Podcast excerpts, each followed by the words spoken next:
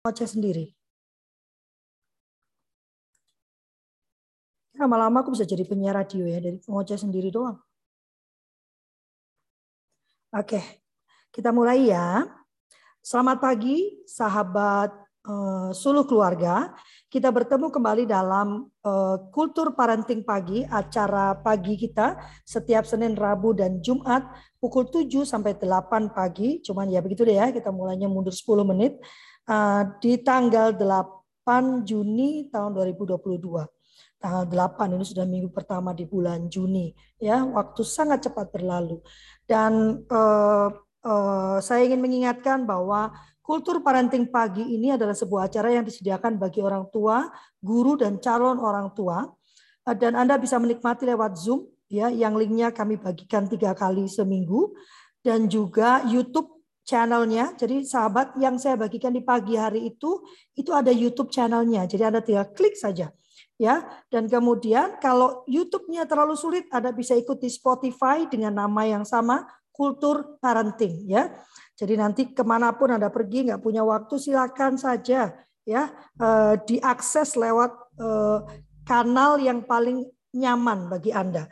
Di dalam YouTube pun kalau Anda kemudian bertanya lewat komen, saya akan mencoba untuk menjawab.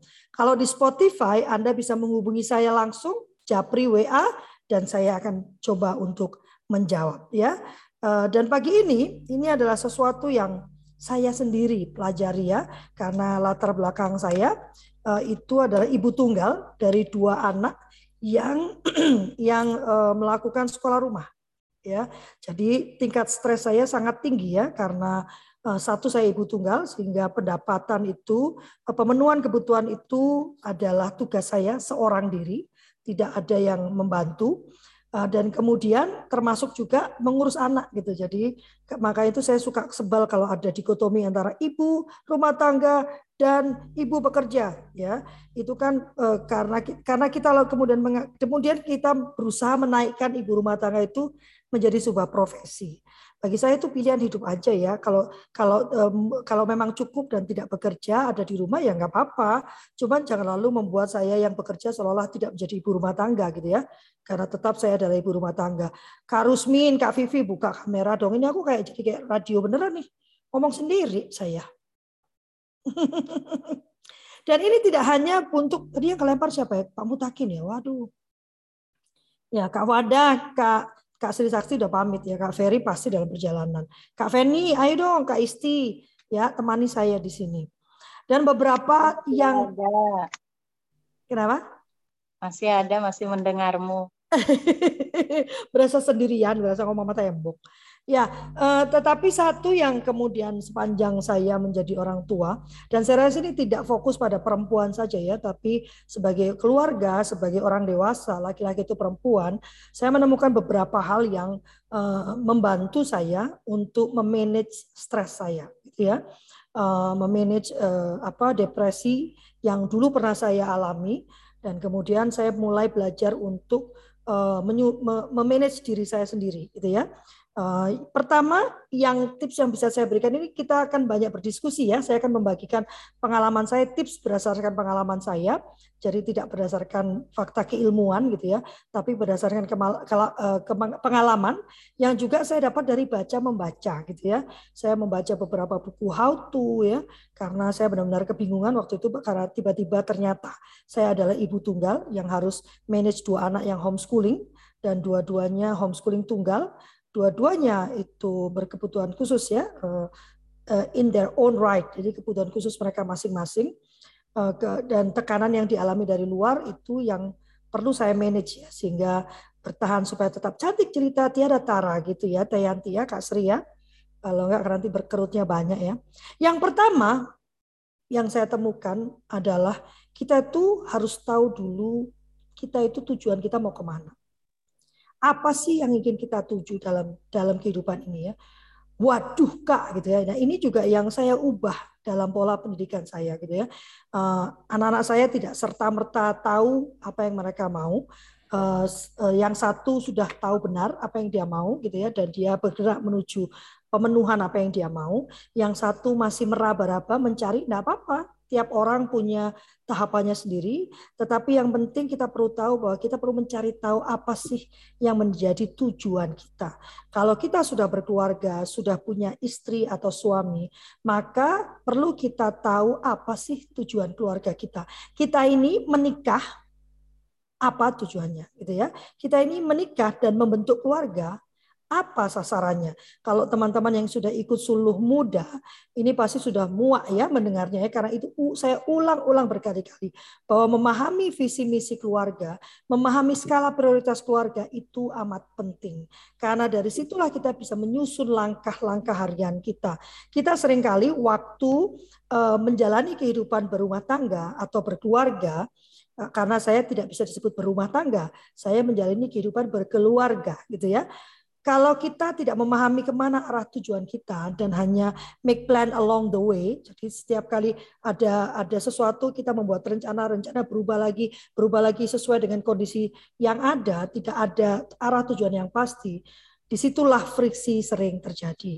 Ya, Wah, lah kalau kan cerai, ya eh, dalam pemahaman saya kami sudah melakukan itu sebenarnya bapak bapaknya anak-anak dan saya itu kami sama-sama eh, senang membaca dan senang mencoba mengaplikasikan apa yang kami baca. Dan memang kami aplikasikan kami diskusi kami kami kami apa kami uh, uh, menentukan mau ke mana. Cuman yang kami lupa kami sibuk berbicara menjadi orang tua. Kami lupa berbicara menjadi couple ya menjadi suami istri kami lupa membicarakan itu. Sebagai suami istri ini kita mau mengarah ke mana sih? Tapi kami saking excitingnya menjadi orang tua kami lebih banyak berdebat dan berdiskusi tentang bagaimana mengarahkan dua anak kami. Mau dibawa ke mana. Bahkan uh, untuk punya anak kedua itu ya saya uh, lobbynya lama banget gitu ya. Melobi kenapa saya menginginkan anak yang kedua gitu ya. Apa yang menjadi uh, pemikiran saya. Jadi begitu anak kedua itu uh, diberikan oleh Tuhan ya saya bahagia sekali ya gitu ya. Uh, karena itu yang menjadi keinginan saya. Sebetulnya saya pengennya punya anak empat tapi cuma dua ya ya tidak apa-apa ya, mungkin nanti ada anak-anak yang lain. Nah, pahami dulu tujuan kita itu apa sehingga arah langkah kita itu jelas ya dan eh, keputusan-keputusan yang kita buat itu jelas mengarah ke mana.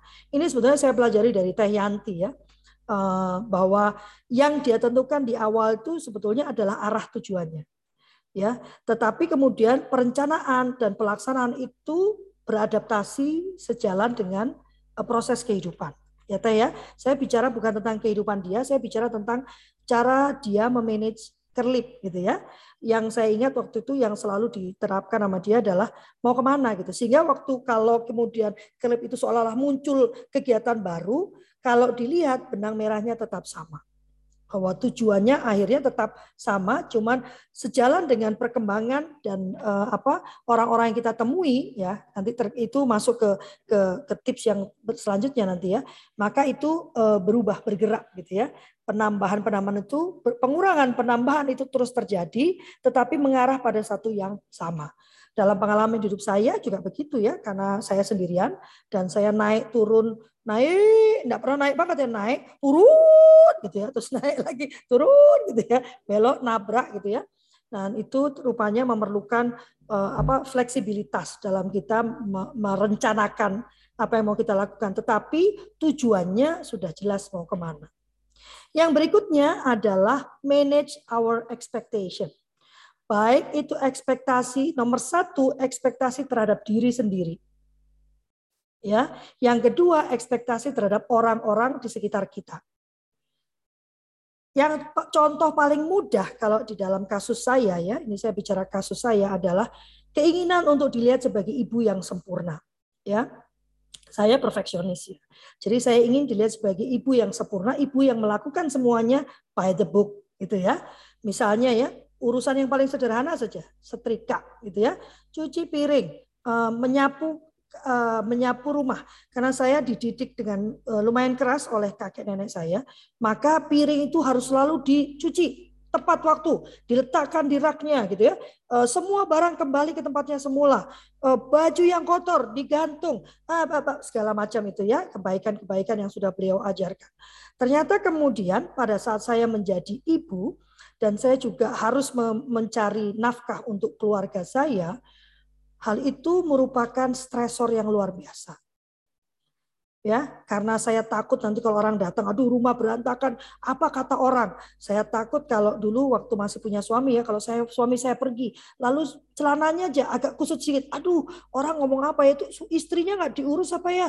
Atau kalau dia nggak bawa bekal itu istrinya seperti apa ya saya tidak mengatakan anda berlebihan waktu melakukan itu ya saya mengatakan manage your expectation ya sampai hari ini pun masih sering berdebat tentang kenapa sih nggak masak tiap hari ya kan malas amat jadi perempuan karena itu yang saya anggap salah satu yang bisa saya alihkan karena itu menambah stres saya juga.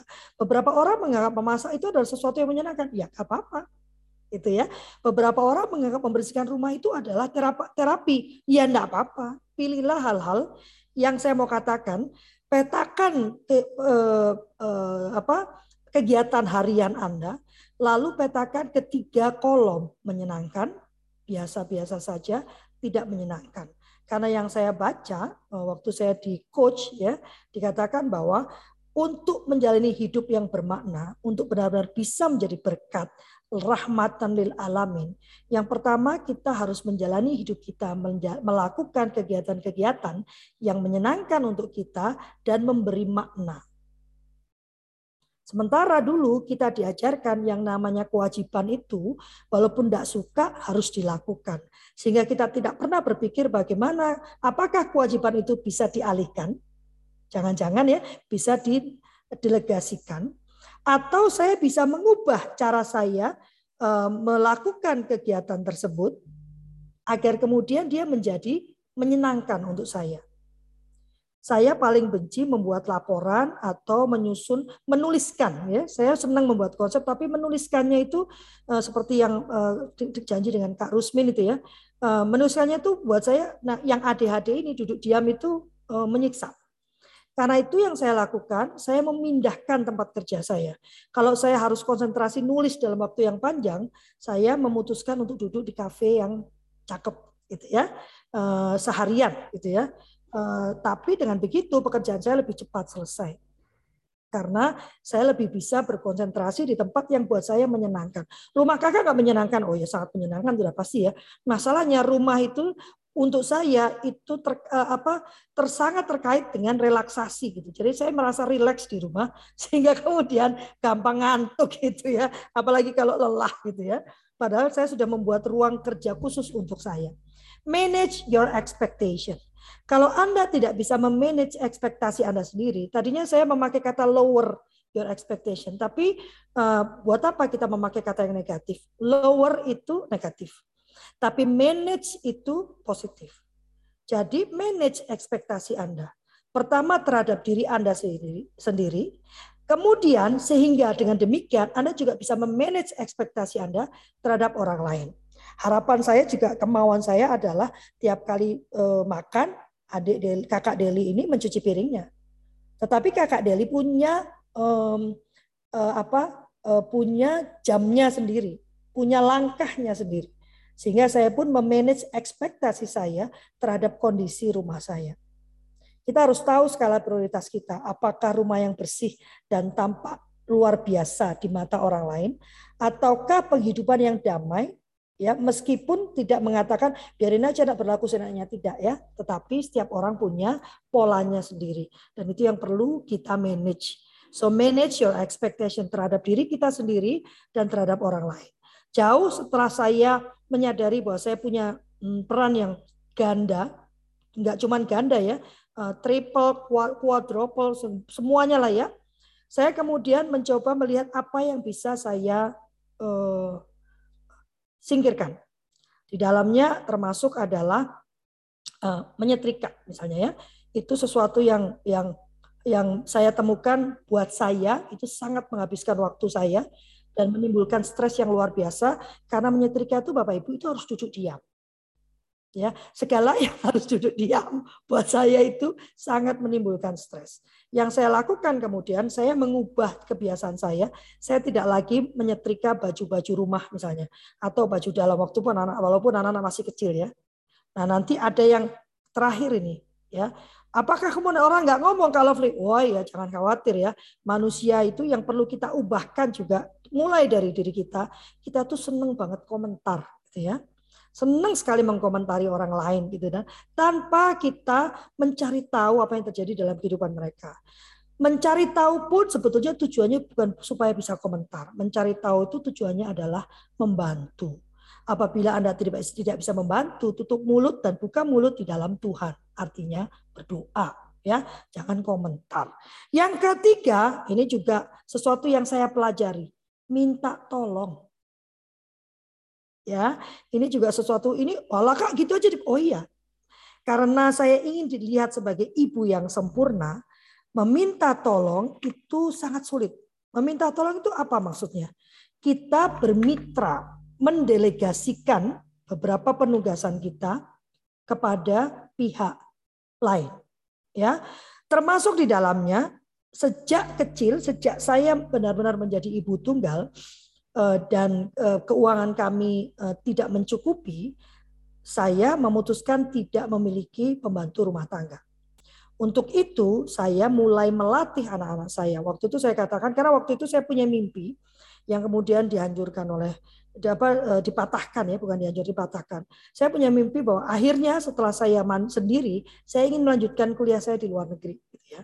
Tapi kemudian kehidupan terjadi dan saya tidak tidak kembali melanjutkan. Saya tidak memilih saya tapi uh, mencoba me, apa ya memasukkan ide itu ke dua anak saya gitu ya.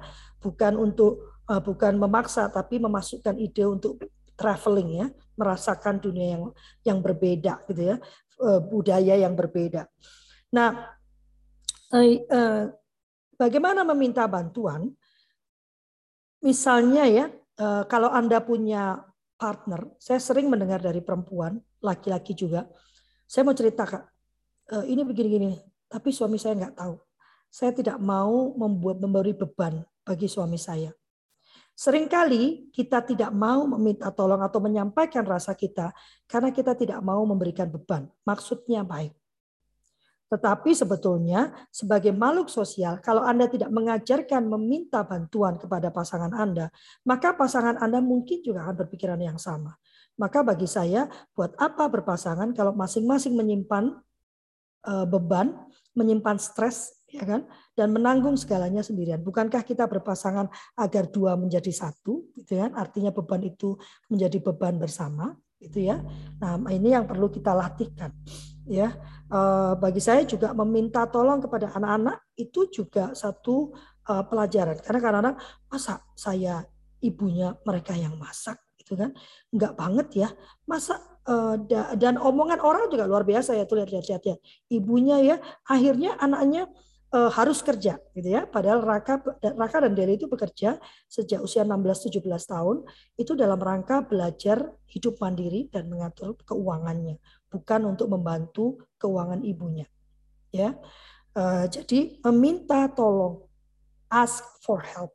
Apa pun itu bentuknya. Saya stres, reach out, minta tolong. Kak, boleh nggak kakak mendengarkan saya bercerita? Saya sedang stres, gitu ya.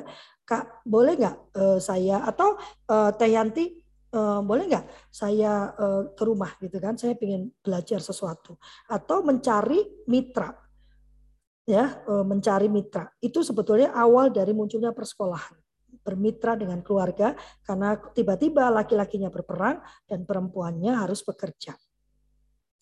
Yang ke Empat, nah ini yang juga selalu saya katakan. Salah satu hal yang membuat saya tetap waras adalah penjadwalan, schedule.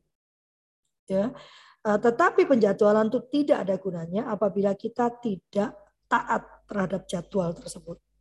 Yang saya temukan dalam interaksi saya dengan anak-anak, eh, waktu saya membuat jadwal dan saya menaati jadwal, itu mengajarkan kepada saya, utamanya, lalu kepada anak-anak, bagaimana mereka menghargai waktu orang lain berjanji jam 8 ya jam 8 karena jam jam 8 sampai jam 9 maka 9.15 atau 9.05 orang yang kita ajak itu sudah punya rencana yang lain. Jadi kita tidak saling membuang waktu gitu ya. Bahkan dengan anak-anak saya pun demikian. Jam berapa kita sudah berjanji untuk berdiskusi itu yang dibicarakan. Kalau jadi ini banget ya uh, apa kayak militer dong di rumah. Enggak, karena masing-masing membuat jadwalnya sendiri dan kita saling cross check ya dan saling mencocokkan jadwal di mana jam-jam yang kita butuh untuk bersama. Ya. So, stick to schedule. Buat penjadwalan. Uh, jadwal itu bukan kita membuat jadwal untuk semua orang ya namanya nambah nambah kerjaan ya tetapi kita mengajak semua orang untuk membuat jadwal Tidak usah bilang oke okay, ayo kita semua membuat jadwal gitu ya bisa kita mulai dengan perbincangan misalnya kakak uh, besok membutuhkan mama nggak? Ya memang mohon maaf ya di rumah saya itu pembicaraan memakai bahasa Indonesia yang aku ya uh, atau dalam bahasa Inggris. Do you need me tomorrow? Gitu ya. Uh, iya mah um, aku uh, saya aku perlu mama untuk ini ini ini ini ini gitu ya. Uh, oke. Okay. oh oke. Okay. mama besok jadwalnya ini. Mama akan pergi ke sini ke sini ke sini ke sini lalu uh, kapan kira-kira uh, mama kita punya sama-sama bisa membuat waktu uh, untuk untuk melakukan hal yang bisa dilakukan yang perlu dilakukan bersama ini ya. Nah, dari sana kemudian kita saling mengadaptasi jadwal. Dan itu menyenangkan sekali karena akhirnya masing-masing dari kami tahu apa yang menjadi kegiatan yang lainnya. Itu menjadi kedekatan yang luar biasa. Mereka tahu ibunya ngapain, mereka tahu bab, uh, uh, apa yang lain uh, kakaknya ngapain.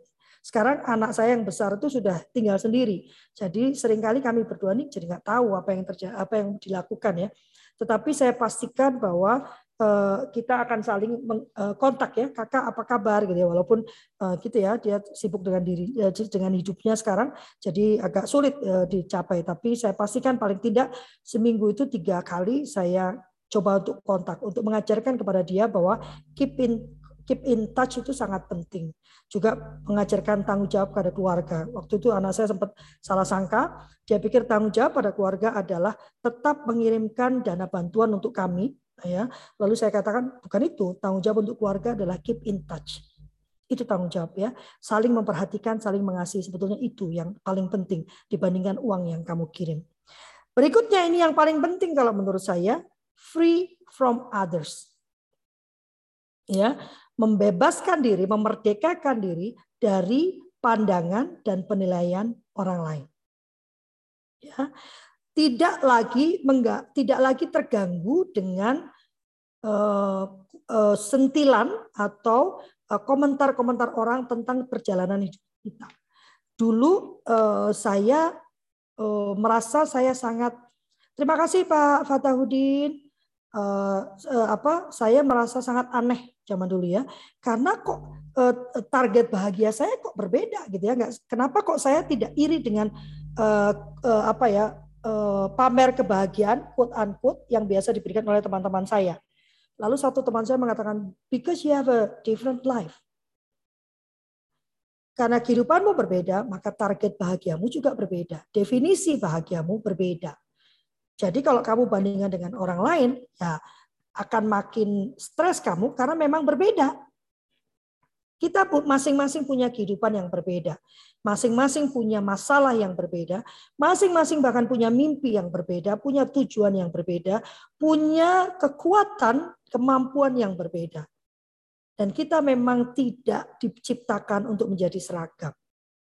Kita diciptakan untuk bekerja sama. Jadi saya belajar bertahun-tahun, cukup lama, untuk tidak terpengaruh oleh bagaimana orang memandang saya. Ya, semalam sempat terjadi perbincangan begitu ya, karena beberapa orang itu senang sekali uh, memperhatikan IG saya, sosial media saya, kemudian melaporkan ke kekasih saya itu dengan eh, pernyataan-pernyataan uh, yang kurang baik. Saya katakan bahwa saya memang membuka IG saya dan saya memang menyatakan pemikiran saya secara terbuka karena saya tidak merasa malu untuk menyatakan apa yang menjadi pemikiran saya. Jadi kalau itu bermasalah untuk mereka, ya mohon sampaikan ke mereka yang nggak usah datang-datang ke IG saya gitu ya Kak Vivi ya. Nggak perlu membaca IG saya. gitu ya. Karena eh, toh eh, saya percaya saya orang yang baik. Itu bukan karena saya melakukan hal-hal baik ya, tapi karena saya percaya Tuhan tuh menciptakan saya baik gitu ya. Maka saya hanya bisa berusaha menjadi yang baik ya. Nah, lima ya eh, tadi ya dan menurut saya yang paling sulit menurut saya ya, yang paling sulit dan butuh waktu bertahun-tahun bagi saya dan saya banyak belajar dari anak-anak saya adalah free from others. Ya, uh, anak-anak saya yang sering mengingatkan, mama itu orang aneh. So if people don't understand you because you're weird. Jadi ngapain mama memikirkan mereka tidak memahami langkah mama, gitu ya? Dan itu yang constantly saya belajar. Ya, karena kalau kita tetap terpengaruh oleh pandangan orang, maka tips 1 2 3 itu tidak akan bisa terjadi. Ya, begitu ya. Saya bagikan lima tips yang saya dapatkan dari proses kehidupan saya dan yang membuat saya bisa memanage stres meski saya ibu tunggal dan dua anak saya adalah pelaku homeschooling tunggal gitu ya dan saya adalah breadwinner tunggal ya uh, breadwinner itu artinya uh, tulang punggung keluarga ya benar-benar sendirian silakan apabila ada yang ingin bertanya ingin uh, ingin apa protes ya boleh loh protes Enggak gitu kalau Fli. Enak aja saya dulu. Eh, silakan. Ada yang mau bertanya kah? Kak Vivi, Kak Rusmin, Kak Lulu. Silakan Kak Vivi. Ya, uh, hanya menambahkan saja sedikit Kak Lovely. Poin lima itu yang saya lakukan sekarang. Bebas stres pasti. Jadi uh, tidak peduli dengan pandangan orang bukan berarti kita cuek atau kita tidak mempertimbangkan. Tetap kita tetap menerima masukan, tetap uh, melihat etika, tetap uh, memperhatikan sopan santun dan segala macam tata bicara tetap. Tetapi ada suatu prinsip yang saya lakukan adalah apabila saya merasa ini memang sudah uh, benar secara etika dan secara umum, bukan egois ya. Jadi beda. Artinya cuek dengan maksudnya tidak peduli dengan egois itu beda. Kalau egois itu mau menang sendiri. Aku mau berbuat salah, orang mau pandang apa aku, itu terserah, itu egois. Kalau menurut saya begitu. Tetapi bukan selama apa yang saya lakukan itu sudah menurut jalannya dan tidak melanggar ketentuan umum artinya masyarakat dan etika itu juga yang terutama tidak berbuat dosa artinya saya cuek. Sampai sekarang pun begitu. Jadi orang sampai heran. Kalau dulu saya baperan. Dan itu menekan saya. Membuat saya tidak bisa bereksplorasi. Contoh saja paling simpel. Saya nggak enak. Mas saya tahu saya nggak bisa bernyanyi saya nggak bisa apa saya nada juga nggak ngerti. Mungkin jauh dengan Kak Lokri ya yang bisa tampil nyanyi di uh, apa di mimbar begitu. Tapi saya setiap kali ada momen kebersamaan dengan orang-orang di lingkungan saya itu saya di RT itu juga termasuk uh, lumayan lah. Misalnya sering di apa jalan-jalan dan segala macam dengan komunitas yang uh, mayoritas. Saya termasuk minoritas. Tetapi saya begitu pedenya saya nyanyi aja nyanyi aja sudah nggak peduli saya bilang gitu. Karena stres itu memang beda-beda. Yes. Jadi uh, tingkat stres bukan berarti saya nggak stres loh. Saya stres. Saya mikir anak saya ini mau kuliah ini bagaimana kok dia masih stay apa cool nggak ada pergerakan. Itu ada Eh, gejolak seperti tapi itu benar kalau katakan saya ngomong saya minta tolong sama anak saya. Kalau kamu memang punya keputusan sampaikan supaya mama juga tahu apa yang kamu lakukan. Itu aja deh. Saya cuma bilang begitu. Jadi memang permintaan minta tolong itu yang saya lakukan kalau saya dulu gengsi apa yang saya minta tolong saya orang yang kuat kok wanita yang kuat bisa menghadapi segala sesuatu tapi itu memang menambah beban stres dengan mengatakan saja, dengan minta tolong saja bagi saya itu sudah mengurangi sedikit. Itu aja Kak Lovely. Terima kasih. Yes. Karena sebetulnya ya, eh, kenapa saya letakkan itu di nomor lim, nomor 4 yang terakhir. Kita sudah mendudukkan terlebih dahulu apa yang kita mau. Jelas tujuan kita itu sudah kita pikirkan dan kita pertimbangkan ya kita sudah memanage ekspektasi kita. Kalau kemudian kita masih terus mendengarkan omongan orang, berarti bukan manage ekspektasi lagi, tapi sampai turun turun turun. Saya eh, setiap kali saya berbicara selalu dikatakan kamu tuh ya terlalu ini terlalu diawang-awang katanya ya. Dulu pertama kali saya bicara tentang parenting ya di tahun-tahun 2006 2007 selalu dikatakan kalau memang hidupnya di dunia utopis. Saya nggak hidup di dunia utopis. Saya memang melakukan apa yang saya baca itu gitu kan. Sekarang saya lebih pede lagi. Waktu awal-awal juga begitu anak-anak membesar, uh, mulai besar dan saya menjadi ibu tunggal, Teh Yanti tahu saya tidak berani bicara. Saya bilang saya ini kan orang gagal karena saya tidak uh, saya cerai. Mana mungkin saya bicara tentang parenting? Ya, sejauh Teh Yanti mencoba membangkitkan rasa percaya diri saya, saya tetap nggak berani bicara tentang parenting. Tapi kemudian saya pikir kenapa saya takut? banyak kok orang yang dalam posisi saya ya dan mereka butuh dukungan gitu kan selama ini kalau bicara parenting perspektifnya selalu orang tua yang utuh ya utuh itu artinya dua orang dua ayah ibu ini mengetahui tugasnya itu tidak ada masalah kan yang menjadi masalah kan orang tua yang tidak utuh. Orang tua yang tidak utuh itu tidak selalu bercerai tetapi apabila salah satu tidak hadir ya. Maka kalau bagi saya kalau kita sudah tahu tujuan kita dan kita merevisi tujuan itu sesuai dengan pemahaman kita atas tata nilai yang kita anut ya perkataan orang itu menjadi tidak penting ya. Ini ada pertanyaan dari oke Kak Vivi pertanyaan dari Kak Ina ya rumah sebagai tempat relaksasi benar Kak bagi saya rumah itu privacy dan saya mulai menseleksi siapa yang masuk ke rumah saya karena saya tidak mau ada dampak negatif para tamu yang diadaptasi oleh anak-anak. Karena di usia anak-anak muda untuk mengcopy paste yang negatif di luar pendidikan yang diterapkan keluarga. Kadang ada beberapa teman-teman saya yang bertamu agak lama, sehingga banyak kegiatan kami yang tertunda. Sehingga saya dianggap keasik dan aneh. Apakah langkah saya tepat kalau Fli? Tergantung ini ya, eh, apa? Eh, tergantung bagaimana uh, visi misi keluarga Anda. Tapi terus terang itu yang saya lakukan pada waktu anak-anak saya sampai usia eh, tujuh tahun dan itu jadi kebiasaan ya. Saya memang uh, bisa dikatakan hampir tidak menerima tamu di rumah. Tayanti tahu itu ya. Kami berteman sudah sangat lama ya. Saya termasuk yang sangat jarang, hampir tidak pernah menerima tamu di rumah, bahkan keluarga. Jadi saya tidak punya kebiasaan, yuk Om, main ke rumah dong gitu. Saya tidak punya kebiasaan itu karena dua anak saya hiperaktif, dua anak saya eh, ABK, sehingga saya ingin menciptakan satu tempat di mana mereka tidak perlu dibatasi oleh apa uh, bukan tidak perlu dibatasi ya tapi mereka merasa merdeka ya ini adalah tempat mereka ya tidak perlu eh ada tante aduh jangan naik naik eh ada tante ya tidak perlu merasakan itu saya merasa rumah itu adalah milik mereka gitu ya jadi mereka harus bebas mengekspresikan sebebas bebasnya dan percayalah Bapak Ibu Saudara, itu tidak menjadikan anak-anak saya liar. Gitu ya. Tidak menjadikan anak-anak liar. Tapi itu menjadikan anak-anak merasa punya tempat yang nyaman. Bapak Ibu Saudara, kenapa kita bisa melewati hari-hari kita? Karena kita tahu kita punya tempat yang aman. Kita punya orang-orang yang mengasihi kita tanpa syarat. Maka pergumulan, perjuangan apa pun yang kita hadapi itu itu terasa ringan karena kita tahu kita bisa quote unquote pulang Itulah kenapa menciptakan home untuk tempat semua anggota di dalamnya pulang itu sangat penting. Dikatakan bahwa rumah kita itu surga kita, ya kan?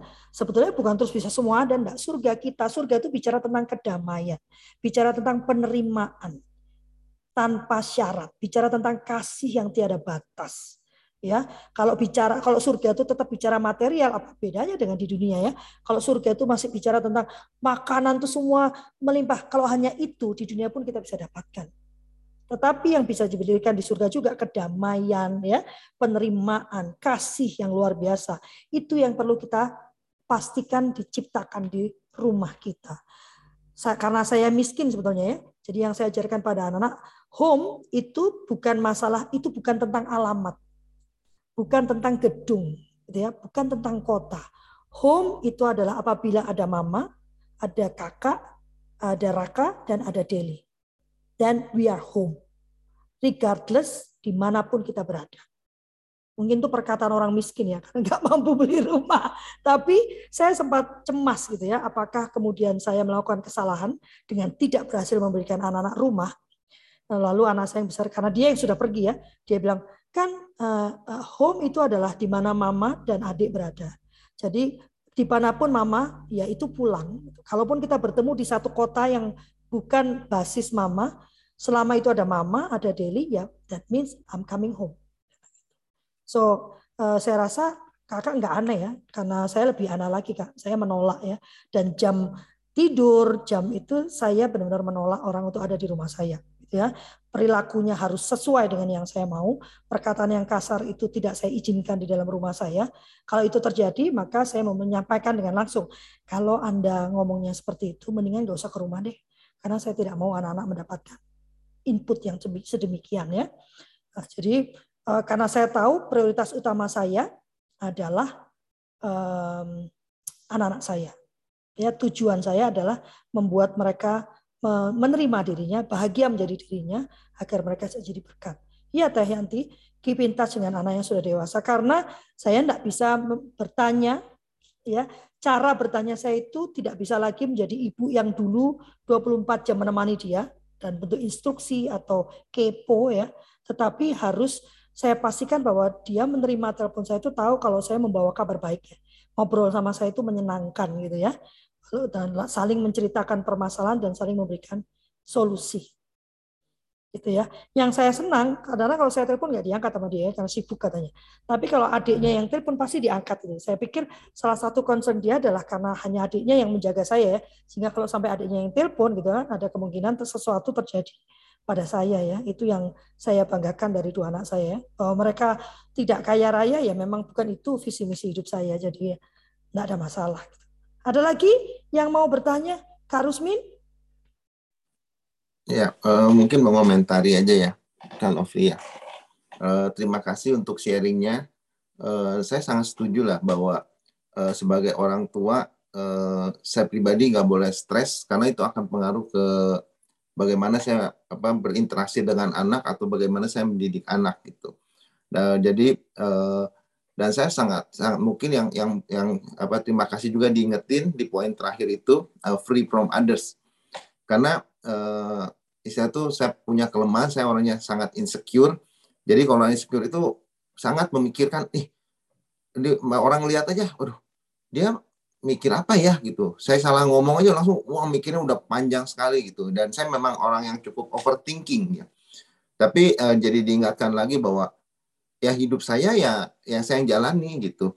Saya mendidik anak saya, saya juga yang paling mengerti dia juga gitu.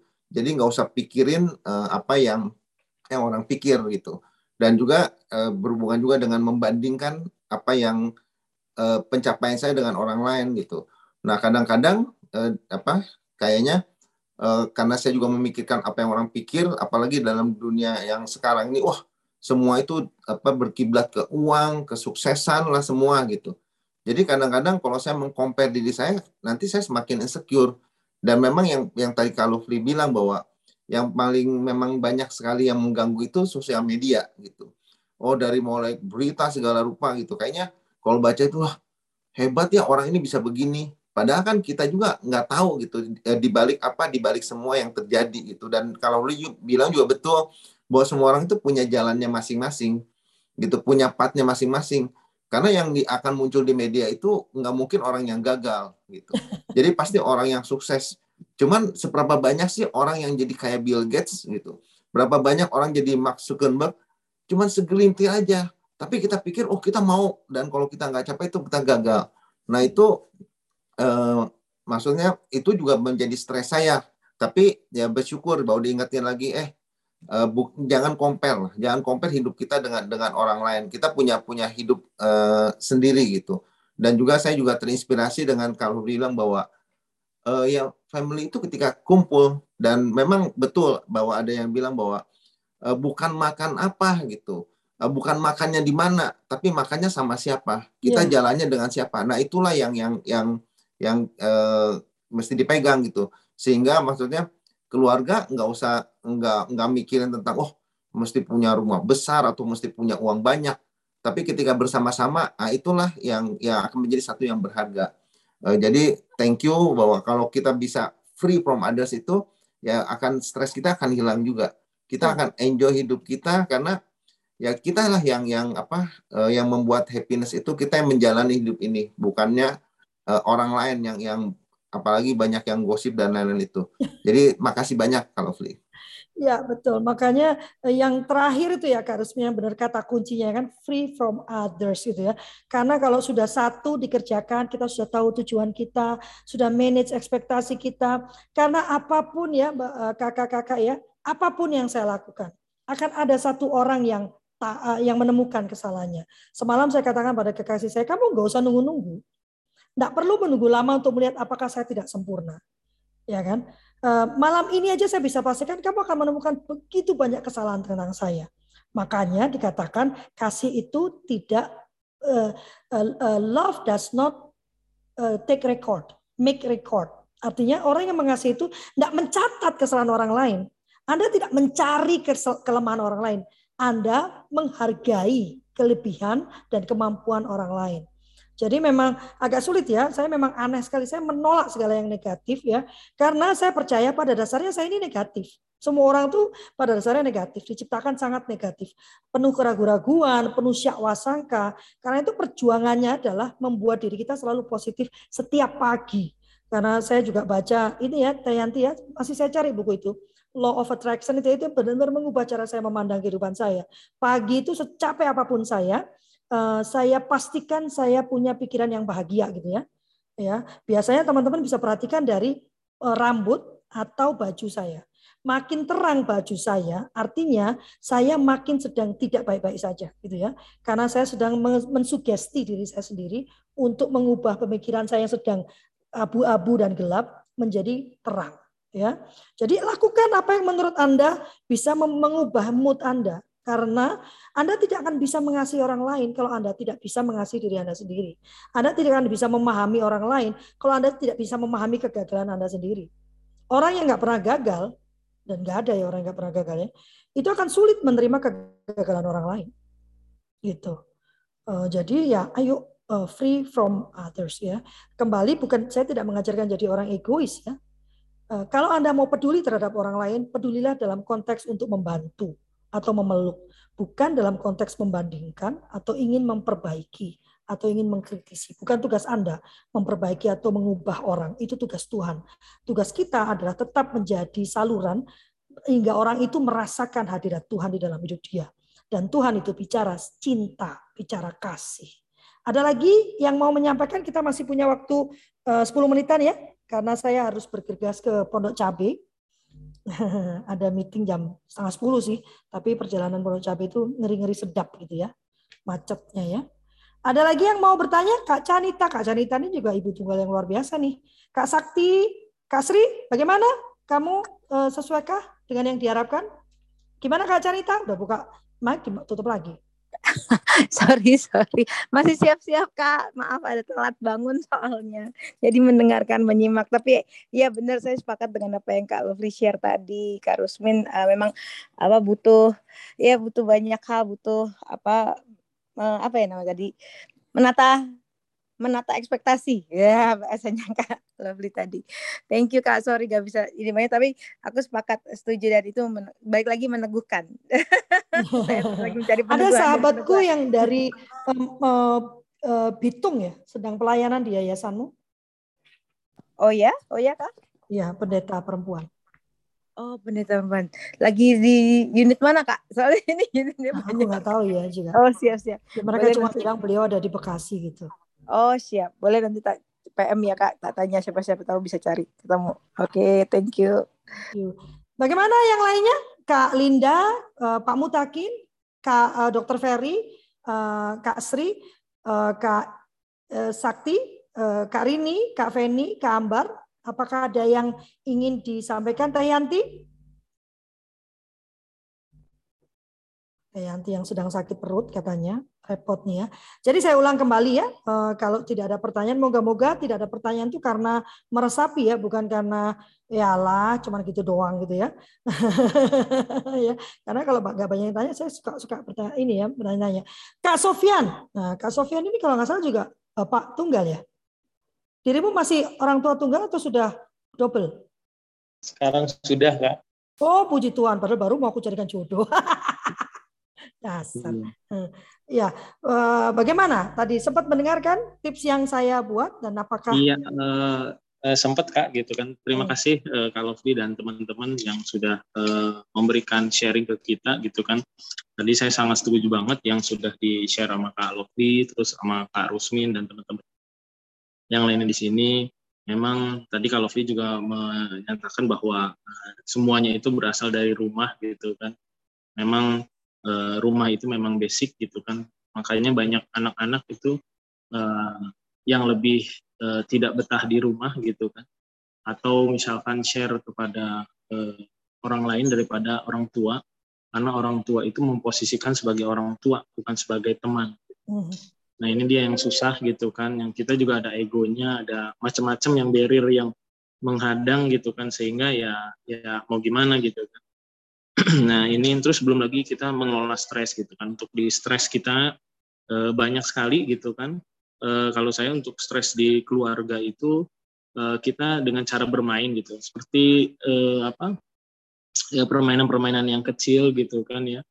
Eh, sehingga mereka itu lupa tidak ke mall tidak ke yang lain tapi permainan-permainan kecil atau enggak.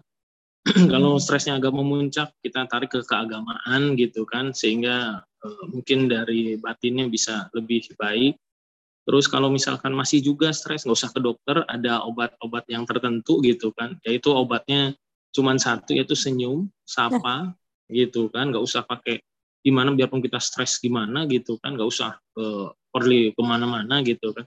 Kalau masih nggak bisa juga kalau saya cenderung lebih senang itu makan coklat gitu kan. Coklatnya tapi coklat almond itu ternyata diteliti uh, lumayan itu menghilangkan stres gitu kan. Nanti mungkin ada kajian khusus gitu kan itu mengenai di coklat almond tapi almondnya ya yang yang bikin uh, lebih menurunkan rasa uh, stres kita. Apalagi belum menghadapi anak yang paling susah adalah stres kalau misalkan dia tujuan hidup.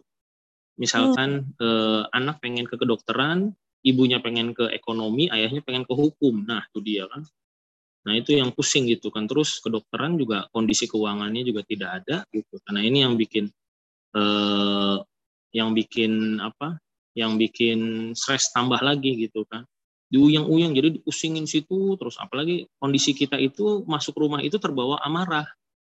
Jadi apa pun yang dilakukan oleh anak pasti kita akan marah terus dan kita akan jadi tambah stres lagi gitu kan. Kalau misalkan di di kami gitu kan kalau misalkan ke agama eh, apa yang Islam gitu kalau agama yang lain nggak tahu gitu kan. Kalau yang di Islam itu masuk rumah kalau saya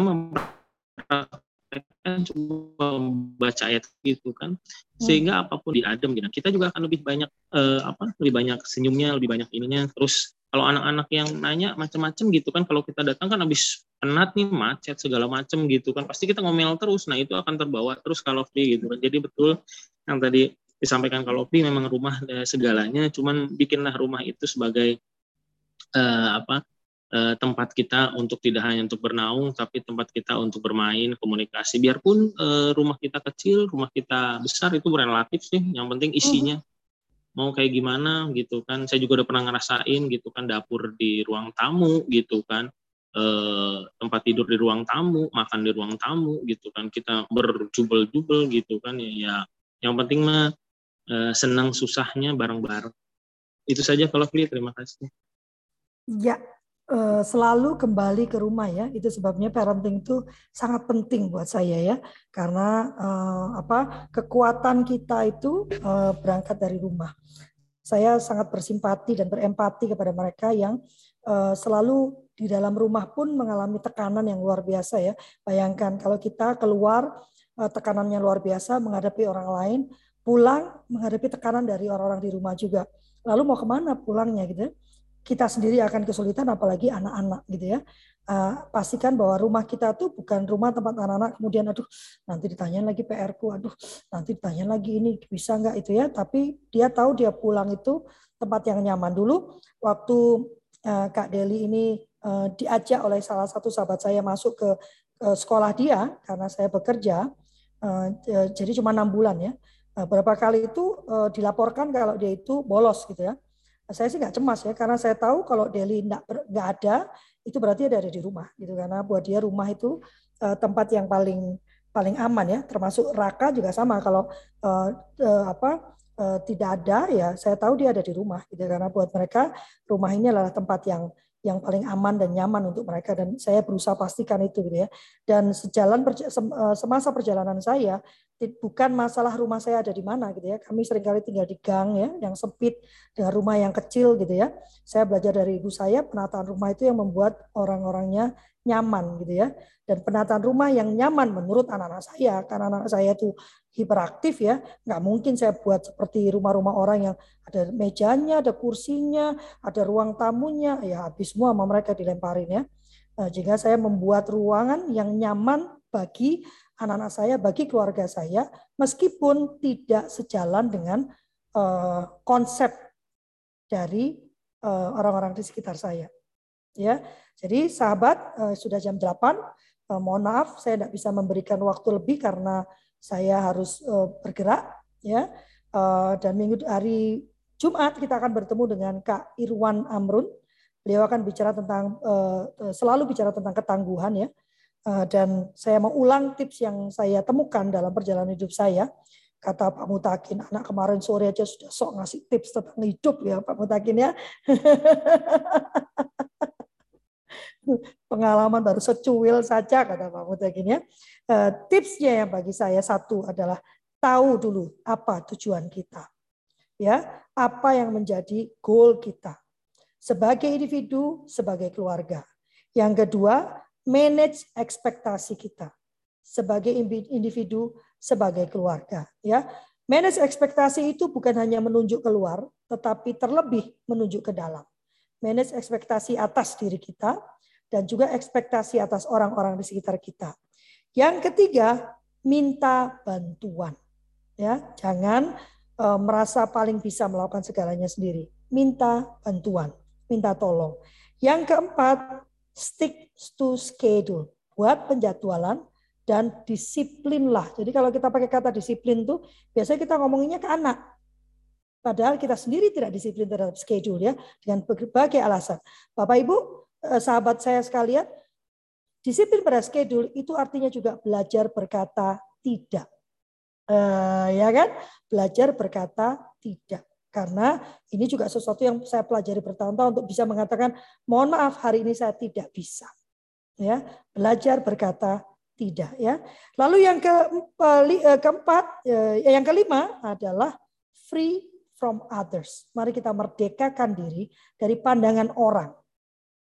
Kita fokuskan pada pandangan Tuhan sajalah ya Pak Mutakin ya. Apa yang diajarkan Tuhan, apa yang diperkatakan Tuhan itu fokus kita. Ya, tapi tidak uh, berfokus pada apa perkataan orang, bagaimana hidup orang lain, gitu ya. Apa pencapaian orang lain itu tidak menjadi concern kita. Saya belajar ini dari Deli justru ya. Kalau dulu Deli dikatakan Dek, tau gak? Si itu tuh bahasa Inggrisnya udah lancar banget loh. Padahal baru enam tahun. Yang Deli katakan waktu kecil ini masih kecil banget ya. Dia bilang ini, e, good for him dong, bahwa dia sudah bisa belajar bahasa Inggris. Pertanyaannya apa kaitannya sama saya? Bahwa dia bisa belajar bahasa Inggris luar biasa dong. Good for him. But what it has it has anything to do with me. Nah, itu itu benar-benar menyentak saya. Ya benar ya. Bahwa saya minta dia bisa bahasa Inggris harusnya tidak terkait dengan bahwa orang lain bisa bahasa Inggris. Harusnya bahwa itu dia butuhkan. Bukan dibandingkan dengan orang lain. So, tahu tujuan kita, manage ekspektasi kita, minta bantuan, stick to schedule, dan merdekakan diri dari pandangan orang lain. Terima kasih teman-teman. Saya akan uh, susun ini menjadi semacam uh, apa uh, infografis ya. Nanti akan saya bagikan agak sore karena semalam saya pulang sangat larut jadi saya nggak sempat menyusun ini menjadi infografis ya. Dan terima kasih sudah hadir bersama saya ada 20 tadi ya sempat 23 robot orang ya yang muncul ini luar biasa. Saya tetap minta bantuan untuk membagikan link ya. Ada keanggotaan tapi apabila Anda merasa keberatan dengan keanggotaan, jangan khawatir ya. Eh, Tuhan akan terus eh, membantu saya menjalankan ini. Lebih penting Anda untuk ikut, lebih penting Anda mengajak orang lain ikut. ya. Uh, tapi saya juga mengajak Anda menjadi anggota dengan 150 ribu per tahun. Anda mendapatkan semua parenting ini dan apabila ikut 8 kali berturut uh, ber, sorry 8 kali dalam satu bulan Anda mendapatkan sertifikat bulanan dan juga diskon 20% untuk pelatihan yang kita lakukan. Kami sedang menyiapkan pelatihan untuk coaching ya, coaching untuk keluarga dan untuk uh, guru ya dan yang akan dipandu oleh coach ya bukan oleh saya ya sehingga Anda bisa ikut uh, sekolah coaching itu dan belajar menjadi coach untuk anak-anak Anda. Saya juga punya uh, apa program liburan ya. Kak Sofian nanti mungkin saya titip flyer bisa dibagikan ke anak-anak. Ini fun in English di dalam fun English dalam metaversa dan kita akan bicara tentang climate change ya. Everything will be in English ya tiga hari bersama kami di dalam pulau simulasi bencana uh, milik Suluh Bangsa Mulia. Kita berfoto dulu yuk. Pak Mutakin sudah ngasih hati tadi aku belum foto ya Pak Mutakin ya. Ya kita kasih hati kita dulu satu dua Kak Deli udah siap? Hai Kak Rini satu dua tiga. Itu masih di rumah aja Kak Sri itu. Sudah, Belum sudah ya. Berangkat, mau berangkat. Makanya sama dong ya.